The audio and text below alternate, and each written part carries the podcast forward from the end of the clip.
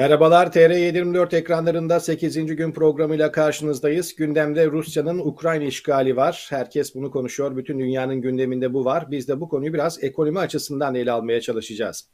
Rusya'nın Ukrayna işgali küresel piyasalardan enerji fiyatlarına ve uluslararası yaptırımlara kadar geniş çapta ekonomik sarsıntıları da beraberinde getirecek mi?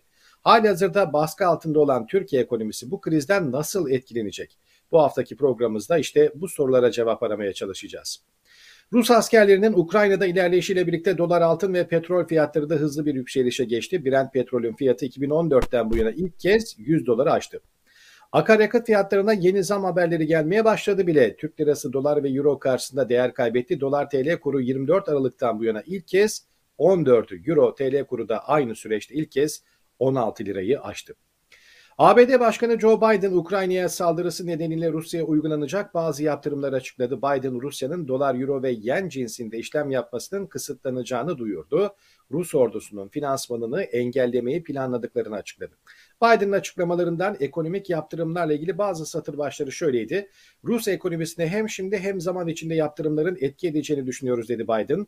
Dünyanın %50'sini temsil eden bir gruptan bahsettiklerini açıkladı. Avrupa Birliği'ne üye devletler Birleşik Arap Emirlikleri ve Japonya'yı saydı. Rusya'nın dolar üzerinden, euro, pound ve yen üzerinden ticaret yapma yeteneğini kısıtlayacaklarını söyledi. Yine Rusya'nın en büyük bankalarını Amerika finans sisteminden çıkardıklarını, aralarında 250 milyar dolar varlığı bulunan VTB ile dört büyük bankayı daha bloke ettiklerini açıkladı. Yine Rus elitlerinin oligarkların listesine aile üyelerinin listelerine yenilerini eklediğini, yaptırımlara onların da tabi olacağını söyledi ve salı günü Rusya'nın e, fon bulma imkanını kısıtladıklarını hatırlattı. 1.4 trilyon dolar varlığı olan şirketlerden bahsediyordu Putin. Ee, özür dilerim Biden. Ee, Rusya'daki finans ve teknoloji sektörünü sıkıştıracağız. Önümüzdeki yıllarda kapasitesinin azaldığını göreceğiz dedi. Önümüzdeki yıllar meselesi ise işte bu yaptırımların uzun bir zamana yayılacağı şeklinde anlaşılıyor. Rusya'nın yüksek teknoloji ihracatını yarı yarıya kesme kararını verdik diyordu. Evet Amerika'nın ilk tepkisi işte bu ekonomik yaptırımlar olurken NATO Genel Sekreteri de Avrupa Birliği Komisyonu Başkanı ve Avrupa Birliği Konseyi Başkanı ile yaptıkları görüşmenin ardından ortak bir basın açıklaması yaptılar. Bu yapılan açıklamada Putin Avrupa'yı savaşı geri getirdi Avrupa'ya. Bedeli bunun ağır olacak. Avrupa Birliği olarak birlik içindeyiz, kararlıyız ve güçlüyüz. Rusya'dan hesap soracağız denildi. Bu arada İngiltere Başbakanı Boris Johnson da Rusya'nın Ukrayna'ya askeri müdahalesinin ardından Rus bankalarını, şirketlerini, kuruluşlarını ve bireyleri hedef alan yeni yaptırım paketini açıkladı. Johnson parlamentoda yaptığı konuşmada bu yaptırımları Rusya'nın gördüğü en büyük ve en ağır yaptırım paketi olarak niteledi. Johnson İngiltere'nin yaptırımlarının tüm büyük Rus bankalarını, 5 Rus oligarkı ve yüzden fazla şirket ve kişiye hedef alacağını bildirdi. Yeni yaptırımların büyük Rus şirketlerinin ve devletinin İngiltere pazarında finansman sağlaması veya borç para almasını engelleyeceğini belirtiyordu Johnson. Ukrayna'ya yönelik askeri müdahaledeki rolü nedeniyle Belarus'a da benzer ekonomik yaptırımlar uygulanacak İngiltere tarafından. Johnson, Rusya'yı küresel ekonomide her geçen gün ve her hafta sıkıştırmak için amansız bir göreve devam edeceğiz dedi. Peki Amerika, NATO ve Avrupa bu tepkileri verirken Türkiye neler yaptı? AKP sözcüsü Ömer Çelik, Rusya ordusunun Ukrayna'nın doğusundaki Donbas bölgesine başlattığı operasyonu tümüyle reddettiklerini söylese de Çelik'in açıklamasına göre Rusya'ya yönelik herhangi bir yaptırım şimdilik yok. Kültür ve Turizm Bakanı Mehmet Nuri Ersoy'un açıklamalarına göre de Türkiye 2022 yılında minimum 35 milyar dolarlık bir turizm geliri hedefliyordu. Yaklaşık iki ay önce Ersoy bu hedefleri açıkladığında Rusya henüz Ukrayna'yı vurmamıştı. Artık turizmde bu yaz hesaplar belki sil baştan yapılacak. Sorun sadece turizm geliri de değil elbette. Türkiye'nin iki ülkeyle toplam ticaret hacmi 40 milyar doların üzerinde. Rusya ve Ukrayna'da krizin derinleşmesi ve uzaması Türkiye için de orta ve uzun vadede yıkımcı olacak gibi görünüyor. İşte özetlediğimiz şekliyle bütün bu gelişmelerin detaylarını şimdi Profesör Doktor Ercan Ekmekçioğlu ile konuşacağız. Hocam merhabalar. Merhabalar Mahmut Bey. İyi yayınlar diliyorum. Teşekkür ediyorum. Kısa bir özet geçmeye çalıştım. En azından e, Rusya'ya yapılacak ekonomik yaptırımlar konusunda kısa bir özet geçmeye çalıştım. Dünya bir süredir nefesini tutmuştu. Ukrayna ve Rusya arasında yaşanan gerilimi konuşuyordu ama korkulan oldu ve Rusya saldırıyı başlattı. Ne yazık ki can kayıp haberleri de geliyor. Ee, ve programı açarken Amerika ve Avrupa'nın Rusya'ya yönelik ekonomik yaptırımlarını özetledim ama bu gerilimden etkilenecek tek ülke görünen olduğu gibi Rusya olmayacak. Başta Almanya olmak üzere pek çok Avrupa ülkesinin doğal gaz, petrol ve birçok alanda Rusya ile önemli ticaret bağlantıları var. Önce dilerseniz Rusya'nın Ukrayna'ya saldırısının dünya ekonomisine bakan maliyeti ve etkileri neler olur sorusuna cevap arayalım. Ee, ondan sonra da hem tweetlere, bu konuyla ilgili haberlere hem de Türkiye tarafına geçelim. Evet, maalesef hiç arzu etmediğim bir tablo ve gerçeklikle karşı karşıya kaldık. Geçtiğimiz programlarda bundan bahsetmiştik. Suhuletle, barışla belki çözülse daha iyi olacak demiştik. Ee, maalesef bu olmadı. Haftalardır basın yayında, dünya basın yayınında da paylaşılan bu işgal senaryolarının aslında ne kadar doğru ve e, isabetli bir istihbarata dayandığı, tespitlerin yerinde ve tutarlı olduğu bu son taarruzla, Rusya'nın taarruzuyla Ukrayna'ya anlaşılmış oldu. E, işlerini kolaylaştırmak adına Putin, Ukrayna ordusuna açıkça silahlarınızı bırakın evlerinize dönün çağrısında bile bulundu. E, maksadı belki bu e, sözünü ettiğiniz yaptırımların, uluslararası önemli yaptırımların ekonomik bedeli olacak, ağır bedelleri olacak. Yaptırımların önünü kesmek, karar alma merciğini belki biraz daha zamana yaymak maksadıyla yaptı bunu. Makes buldu mu? Hayır bulmadı. Ee, şöyle bir şey de var. Geçtiğimiz e, günlerde NATO eski başkomutanı e, emekli General Wesley Clark dedi ki Rus kara ordusunun üçte ikisi Ukrayna'nın doğusunda, üçte biri ise kendi doğusunda. Ya bunu nasıl anlamamız lazım? Pasifik bölgesinde yani Çin sınırında, Japon sınırında veya o bölgede olduğunu söylemişti.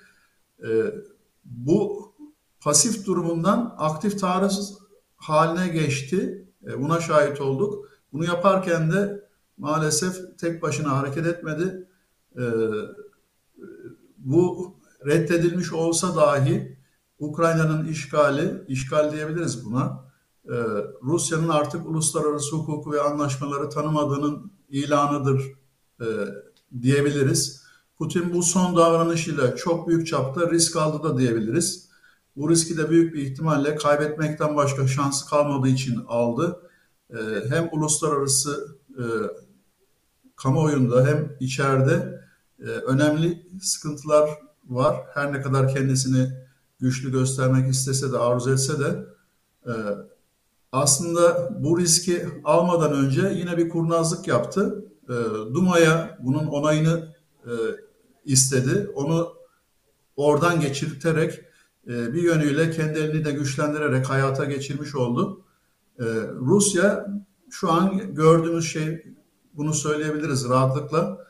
Rusya Sovyetler Birliği'nden sonra kendi çöküşünün de fitilini ateşleri filmini çekti diyebiliriz aslında. Ee, peki Avrupa Birliği niçin kararlar almadan e, bu kararları alma aşamasından ileriye geçemiyor? Cevap aslında yine Rusya'nın hareket planında yer alıyor. Ee, çok uzun süreli bir çalışma ve hazırlık yapıldığı anlaşılıyor e, bu çaptan baktığımızda. Ee, evet belki bu yüzden Batı dünyası e, bu önemli istihbaratı elde edebildi zamana yayıldığı için. Sadece bir veya birkaç noktadan değil, tüm Ukrayna satından bir saldırı var. Karadeniz dahil olmak üzere. E, Rusya bunu komşu ülkelerdeki imkanları kullanarak da yapıyor. Hangi ülkeler bunlar? Baktığımızda işte Belarus'u görüyoruz en canlı. E, belki kısmen merkezi hükümetin kabul etmemesi ihtimaline karşılık Transdniester dediğimiz e, Ukrayna'nın sınır bölgesindeki Rus azınlığın yaşadığı Moldova kısmı e, bu haliyle bölgesel bir savaşa dönüşme riski de barındırıyor. Bunun için zaten az önce söylediğim şey e, üzerinde iyi çalışılmış, hazırlanmış, müdahale riskini engelleyecek etkenler üzerinde düşünülmüş demiştim. E, Putin'in bir ifadesi daha çok benim dikkatimi çekti burada taktik düzeyde dahi olsa nükleer silah üretim riskinden bahsetti Ukrayna'nın. Evet Ukrayna'nın geçmişte böyle bir tecrübesi var e, ama bırakın taktik düzeyde olmasını stratejik boyutta nükleer silah envanterini dahi kendi iradesiyle Rusya Federasyonu'na devretmiş bir ülke Ukrayna. E, dolayısıyla böyle bir şeye niye ihtiyaç duyabilir? Bunu irdelemek lazım. Yani dikkate almak lazım. E, tıpkı Belarus ve Kazakistan da benzer şeyi yapmıştı. Eski Sovyetler Birliği'nin nükleer envanteri bu dört ülkede toplanmıştı. E, şimdi perde arkasında duran kalmayı tercih eden bir başka ülke var. E, fakat Suriye'de de çok iyi bir partner olarak bildiğimiz e, bir İran gerçeği var. Bunu da göz ardı etmemek lazım. E, çünkü bölgede Amerika'nın belki e, özellikle bazı şeylerini, e, baskılarını hafifletebilecek, belki azaltabilecek bir pozisyon peşinde. Ukrayna'daki gelişmelerin Avrupa'da nispeten, belki nispeten evet, e, Türkiye'de ise daha fazla olasılıkla enflasyon kontrolünü iyice kaybetmesine vesile olabileceğini söyleyebiliriz. Enerji konusu da çok önemli. Tabii bu konuda e, Almanya'da mesela bu ay için e, şöyle bir şey çıktı karşımıza. 1949 yılından bu yana en yüksek üretici enflasyonu e, gerçeği. Enerji maliyetleri dahil Şubat ayı içerisindeki oran yüzde 25'ler seviyesinde. Şimdi e, evet yaptırımlar alındı. Belki bu şeyler gündeme geldi. Ama az önce de ifade ettiğimiz gibi e, Rusya'nın artık bu anlamda uluslararası e, nizama veya mevcut düzene aykırı hareket edeceği ilan edilmiş de oldu. Putin malum e, ilişkilerinin işte belki seneye devriyesi cihetiyle Azerbaycan Cumhurbaşkanı Aliyev ile düzenlediği ortak basın toplantısında e, Donetsk ile Luhansk'ı tanıdıklarını ve bunun tanıdıkları aşamada Minsk anlaşmalarını da ortadan kalktığını söyledi. Yani bu e, ben kural koyarım, ben kuralı çalıştırırım ilanı bütün dünyaya. Bu açıklama yapılırken aslında Aliyev'in derhal orada Karabağ hatırlatması gerekirdi bence. Ama heyhat böyle bir şey yapmadı. Malum 30 yılda yıla yakın sadece bu Minsk e, anlaşmaları e, sebep gösterilerek Azerbaycan'ın o topraklarını geri alması ihtimalinin önünü kesilmişti aslında. Böylesine bir güzel fırsat gelmişti aslında ama bunu da kullanamadı. Batı bloğu bu yeni yaptırımları açıkladı. Evet. E, özellikle Putin ve ülkesi sonuçlarına katlanacak dediler. Biden az önce de ifade ettiğiniz gibi dört Rus bankasına yaptırım uygulayacaklarını ifade etti. E, burada baktığımızda bir şey çıkıyor karşımıza. E, belki söylediğiniz o 250 milyar doların dahi çok üstünde yaptırım uygulanan bankaların Amerika'daki bu dört banka toplamda Amerika'daki varlık tutarlarının 1 trilyon dolardan fazla olduğu sonucu var. E şimdi bu önemli bir rakam. Yani bunu parayı kullanma yetkisi, yeteneği kalmamış olacak bu bankaların. Ve bunun ister istemez otomatikman e, Rus ekonomisine yansıması da elbette olacak. Şimdi e, bir diğer önemli nokta tabii e, nedir o? İngiltere'deki Londra merkezli blokajlara karar verilmiş oldu. Bunu da aynı şekilde ilan edildi, deklar edildi.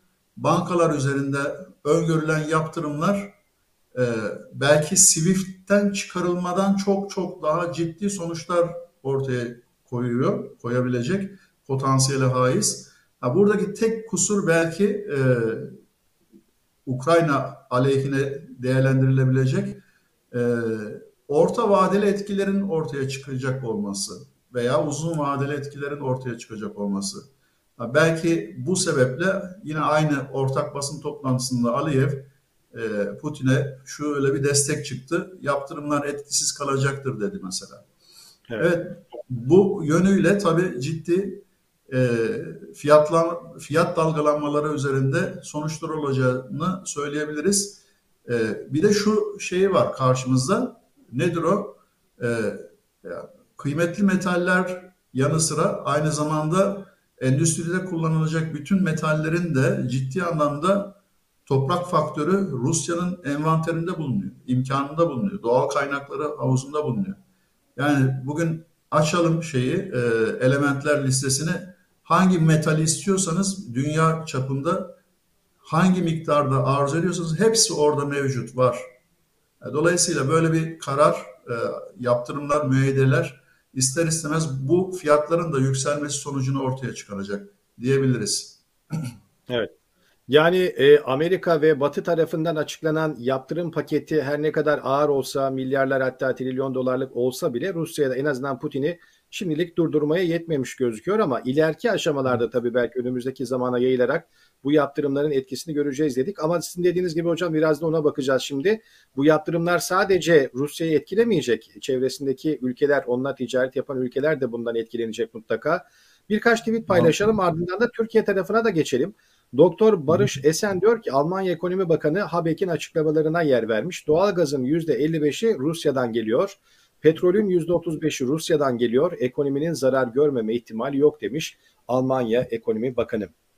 Evet bir başka tweetle devam edelim. Bir Putin'in dün akşam Donetsk ve Lugansk'ın bağımsızlığını tanıması ve uluslararası hukuka göre Ukrayna toprağı olan bölgeye barış gücü adı altında Rus askeri yollamaya karar vermesinin Türkiye ekonomisi için riskleri arttırdığını düşünüyorum şeklinde bir değerlendirme var. Şöyle Kısaca bakalım birkaç başlığına.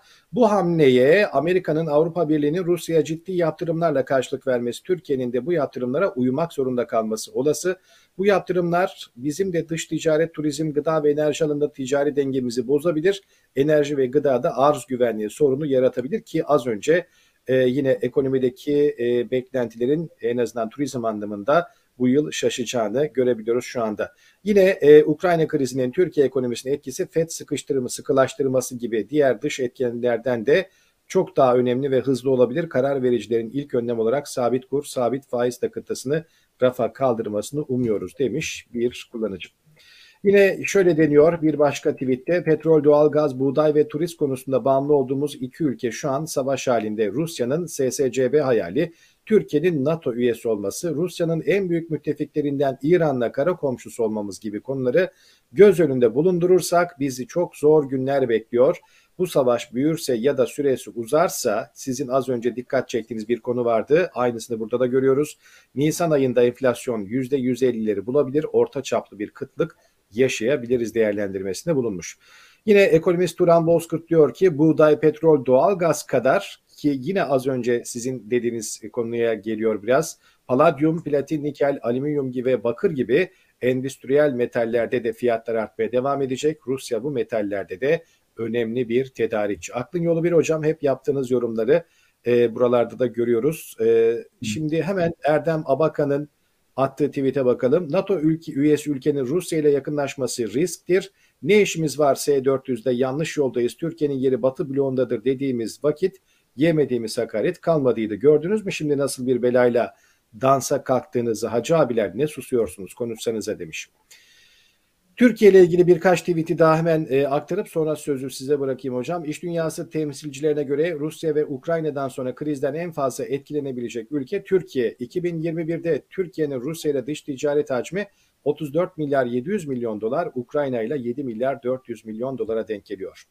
Ve beklenen oldu, korkulan oldu diyelim. Rusya'nın Ukrayna'ya saldırısı sonrası benzin ve motorinde zam beklentisinden bahsediliyor ki bu zammın kuruş olarak değil 1-1,5 lira olarak yansıyacağı söyleniyor. E, varil fiyatlarının 100 doları geçmesi üzerine. Ve tabii ki Ukrayna'da ticaret yapan şirketlerin de bu konudan hemen etkilendiğini görüyoruz. Bir örnek olarak sadece Anadolu Efes Ukrayna'daki fabrikalarımızda üretim ve satış durdu açıklaması yapıldı buradan. Ve e, bu konuyla ilgili birkaç hemen başlığı aktarıp sonra geçelim. Dış politikayı, uluslararası ilişkileri, Putin'in hesap kitabını ve Ukrayna dinamiklerini en iyi bilebilecek kişiler konuyu analiz ederlerken şeklinde bir hicivde bulunmuş Gönenç Gürkaynak. Bakıyoruz işte Ahmet Hakan'ın programında konuşanlara baktığımızda geçtiğimiz haftalarda gazla ilgili olarak vatandaşlara kuru fasulye dağıtılmasını e, tavsiye edebilecek bir söz sarf eden Turgay Güler'in de aralarında bulunduğu bazı isimlerin Rusya, Donetsk ve Luhansk'ı tanımasıyla ilgili derin analizler ve uluslararası ilişkiler, dış politika yorumları yaptığı bir Türkiye'den bahsediyoruz ne yazık ki. Evet Mustafa Sönmez demiş ki bakın gördünüz mü tam kur korumalı mevduatla yastık altı altın projemizde ihracat ve turizm atılımımızla enflasyonun doların belini kırıyorduk. Rusya-Ukrayna krizi çıktı. Herkes yetkilendi. E biz de diye konuşup duracaklar şimdi diyor. Evet e, buradan başlayarak isterseniz Türkiye kısmına geçelim. Az önce yaptırımların Rusya'yı ve çevresinde Rusya ile ilişkisi olan ülkeleri nasıl etkileneceğinden bahsettik. E tabi bunlardan birisi de e, Türkiye. E, Rusya ile Ukrayna krizinin Türkiye ekonomisine yansımaları nasıl olur? Sizce nasıl bir tabloyla karşı karşıyayız? Türkiye neler bekliyor? E, dediğimiz gibi tam biz bunları yapıyorduk, enflasyonu tek hale indirecektik ama ne yapalım savaş çıktı gibi bir bahaneyle karşılaşmamız olası mı? Yani geçtiğimiz programlarda ifade ettiğimiz bir şey vardı. Keteris paribus iktisadi bir tabir. E, genel itibariyle Türkiye'deki e, kamu otoritesinin genel yaklaşımı hep buydu belki. E, biz işte şu, şu şu kararları aldık. Bu kararlar sonrasında şunlar oluşacak. İyi de öyle değil. Yani siz laboratuvar koşullarında çalıştığınız gibi birçok şeyi dikkate almaya, almayarak veya etkisiz bırakarak bir şeye üzerine odaklanıp e, sonuç alamazsınız. İş gerçekleştiremezsiniz. Aynı şekilde Cumhurbaşkanı Erdoğan da Rusya ile siyasi, askeri, ekonomik ilişkilerimiz var. Ukrayna ile de aynı şekilde siyasi, askeri, ekonomik ilişkilerimiz var dedi. İkisinden de vazgeçmemiz mümkün değil. Ee, sonucunu çıkardı ortaya paylaş kamuoyuyla. Maalesef dünya gerçekleri buna müsaade etmiyor. TÜİK'in e, 2021 Ocak Aralık dış ticaret verilerinde baktığımızda Türkiye'nin Ukrayna'ya olan ihracatı yaklaşık 3 milyar dolarken ithalatı 5 e, milyar dolar düzeylerinde. Rusya ile olan duruma baktığımızda daha kritik bir sonuç çıkıyor karşımıza. 2021'deki e, ithalatımız Rusya'dan 29 milyar dolar. Sadece ihracatımıza baktığımızda sadece bunun 5 milyar dolarlık bir tutar olduğunu görüyoruz. Abi şimdi hep e, kanıksanılan bir şey var. E, absürt e, yorumlar yapan iktidarın belki buradan da cari açığımızı düşüreceğiz, işte dış ticaret açığımızı azaltacağız söylemi de gelebilir belki yarın bir gün. Bu da bir fırsat oluşturdu bizim için diyebilirler. İthalat düşerse e, bu 29 milyar dolarlık tutar itibariyle böyle bir yaklaşım da sergileyebilirler. Ama bu tabloya baktığımızda Türkiye ekonomisinin olumsuz etkilenmemesi çok zor. Ee, söz konusu bu savaşın uzun sürmesi halinde de her iki ülke potansiyelinde e, değerlendirdiğimiz takdirde Türkiye ekonomisinin asgari yüzde 35 yüzde 40'lık bir kayıp yaşayabileceğini çok rahatlıkla söyleyebiliriz. Ee, bunlardan sektörel anlamda baktığımızda örnekler karşımıza çıkıyor, müşahhas örnekler çıkıyor. Türk inşaat sektörünün mesela 2021 yılı içerisinde e, milyarlarca dolarlık proje imzaladığı Ukrayna'da bu kaos ortamı şirketlerin faaliyetlerinin e, durması sonucunu ortaya çıkardı. E, bugün okuduğum bir şey vardı, haber vardı. E, bu cihetle e, ne yapıyor? Birçok firma e, Rusya'da olsun, Ukrayna'da olsun e, faaliyetlerini göz e, yani bir şekilde durdurma temayülü içerisine girdiğini beyan ediyor. E şimdi aynı şey e, taze sebze meyve ihracatının önemli bir kısmını Rusya'ya yapması cihetiyle Rusya ile ilişkilerde de karşımıza çıkıyor. Türkiye'nin Batı İttifakı ile ortak hareketi bu yönüyle kritik bir önem arz ediyor Rusya ile ilişkilerde. En kırılgan nokta da bu zaten. Ee, Rusya'nın buna nasıl tepki verir, bunu nasıl e, görür, az buçuk tecrübeyle geçmişteki yaşadığımız örneklerde zaten biliniyor, belli. E, turizm sektörünün yine can damarı durumunda Rusya. 2021 e, istatistiklerine baktığımızda yaklaşık 5 milyona yakın turist gelmiş e, Rusya'dan.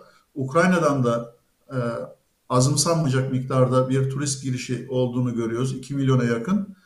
E, dolayısıyla e, bu kaos ve kriz ortamında 2022 yılı beklentilerinin iki ülke açısından da gerçekleşme ihtimali azalıyor.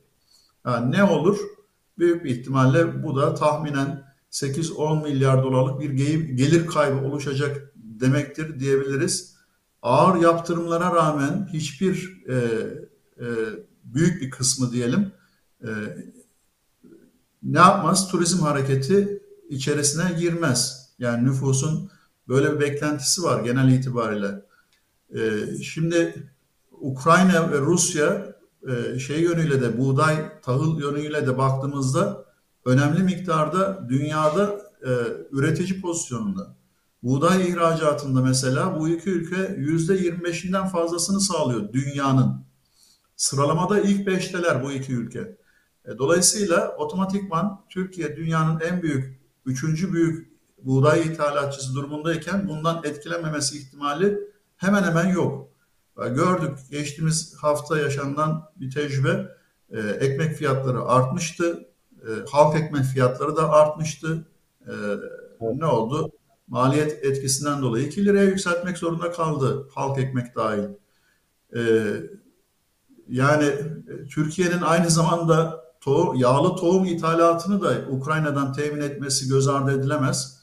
Belki e, buğday fiyatlarının yanı sıra buna benzer e, endüstriyel üretim ürünlerinin de fiyatlarının artacağını ne yapabiliriz? Çok rahatlıkla dile getirebiliriz. E, 2021 yılının buğday ithalatının neredeyse yüzde 87'si bu iki ülkeden yapılmış.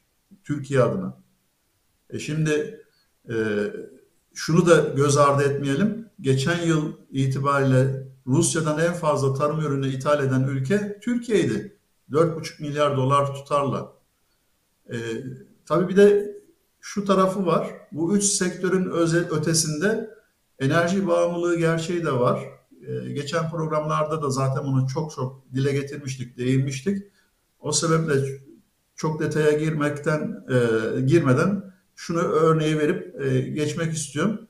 2022 Ocak ayı Eurostat verisine göre enerji etkisi enflasyonda Türkiye için %89.6 olarak ilan edildi, paylaşıldı kamuoyuna.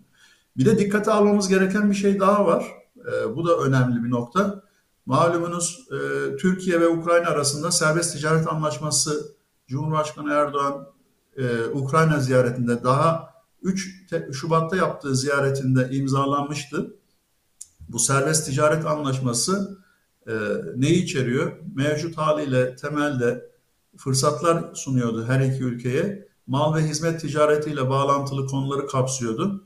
Ukrayna tarafından uygulanacak gümrük vergilerinin bir kısmı anlaşmanın yürürlüğe girdiği tarihte daha sonrası da geçiş döneminin sonunda tamamen kalkacaktı. Önemli bir fırsat sunacaktı bu. Ee, ama gelinen bu noktada çok fazla değişken oluştuğu için bu anlaşmanın çağır, e, çalıştırılması, uygulanması şansı da çok kalmadı diyebiliriz. Yani bakın e, Rusya'nın e, bugün Cuma itibariyle itibar, açıkladığı, beyan ettiği ifade üst yönetiminin diyor, Ukrayna'nın üst yönetiminin değişikliğinden bahsediliyor. Kremlin bunu söylüyor. Dolayısıyla atılan imzaların mürekkebi kurumadan bu anlaşma işlevsiz kaldı diyebiliriz. Türk tarafının aynı zamanda bu öngörüsüzlüğüne de çok güzel bir örnek teşkil ediyor. Maalesef. Evet. Hocam belki şunu da ekleyebiliriz. E, girişte de aktarmıştık. 2014'ten bu yana petrol fiyatları ilk kez 100 doların üzerine çıkınca bu da pompaya yansıyacak tabii ki. E, hatta şu anda konuşulan rakamlar kuruşlar değil, 1-1,5 e, liralık artışlardan bahsediyoruz. Zaten evet. 15-16 lira bandındaydı benzin ve e, petrol ve mazot fiyatları dizel fiyatlarının 17-18 lira hemen yaklaşabileceğini görüyoruz. Bu şekilde tabii ki bu krizin devamı halinde petrol fiyatlarının artmasının e, nasıl yansıyacağını tahmin etmek zor değil. E, Türkiye'de evet. de petrole e, zam geldiğinde iğneden ipliğe her şeye zam şeklinde yansıdığını da tabii ki söylemeye gerek bile yok. Şimdi e, siz az önce programımızı yavaş yavaş noktalayalım ama sosyal medyada çok konuşulan bir örnekleme vardı. E, biraz bununla kapatalım istiyorum. E, az önce bahsettiğiniz 1946'lardan 49'lardan beri yanlış hatırlamıyorsam Almanya'daki en yüksek belki enflasyon ve e, hayat pahalılığından bahsettiniz. İngiltere'de yine son 30-40 yılın en yüksek enflasyon rakamları açıklandı. Avrupa'da bazı ülkelerde bu durum e, gerçekten böyle.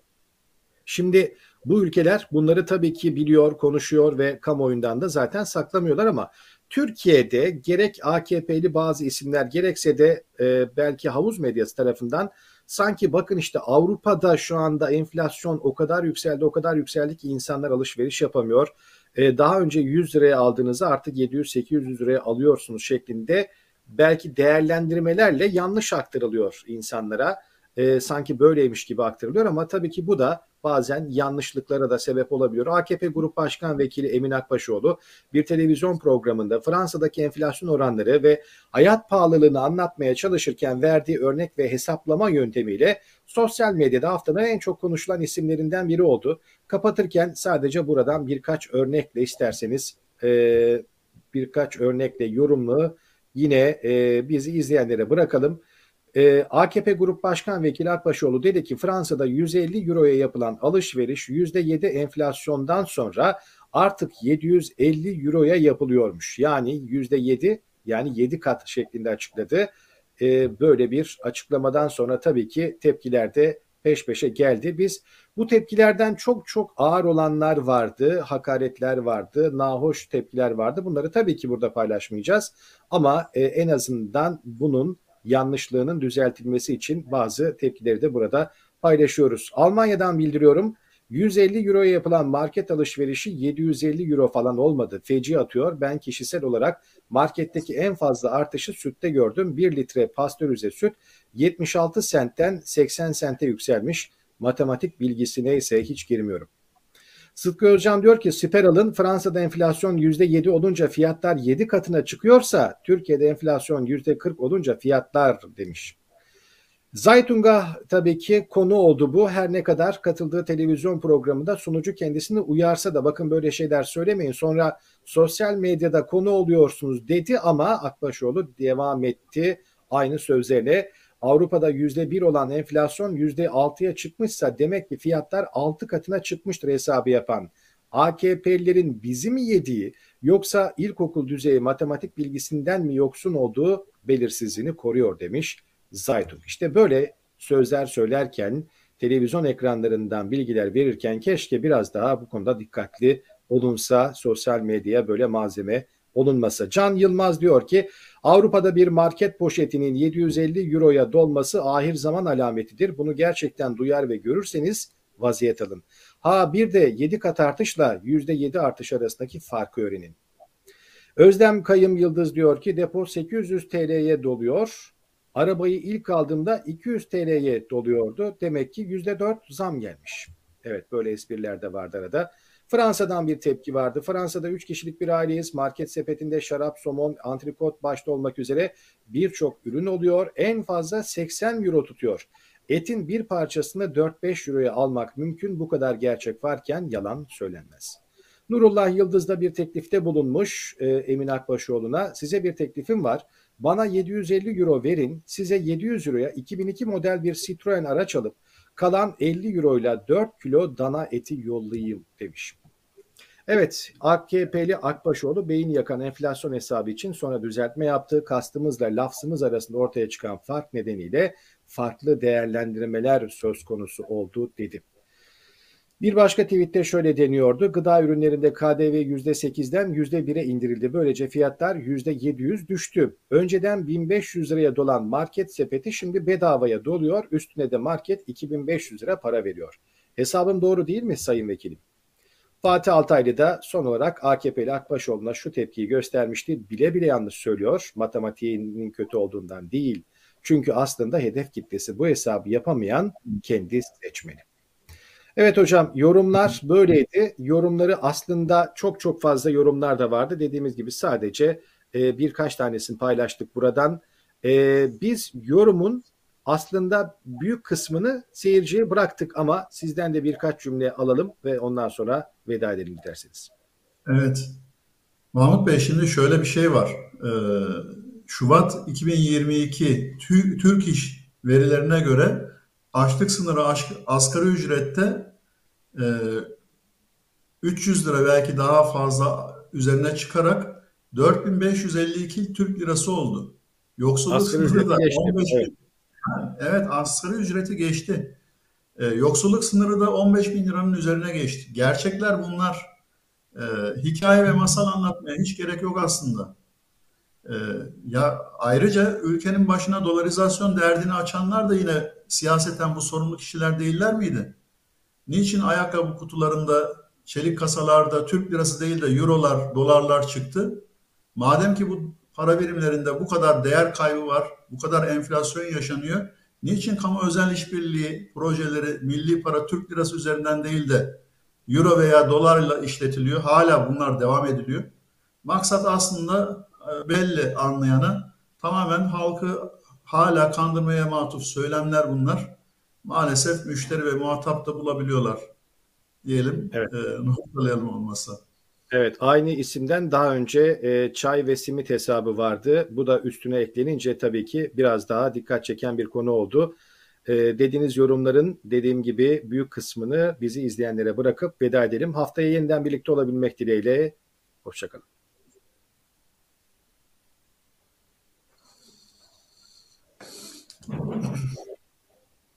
Uh,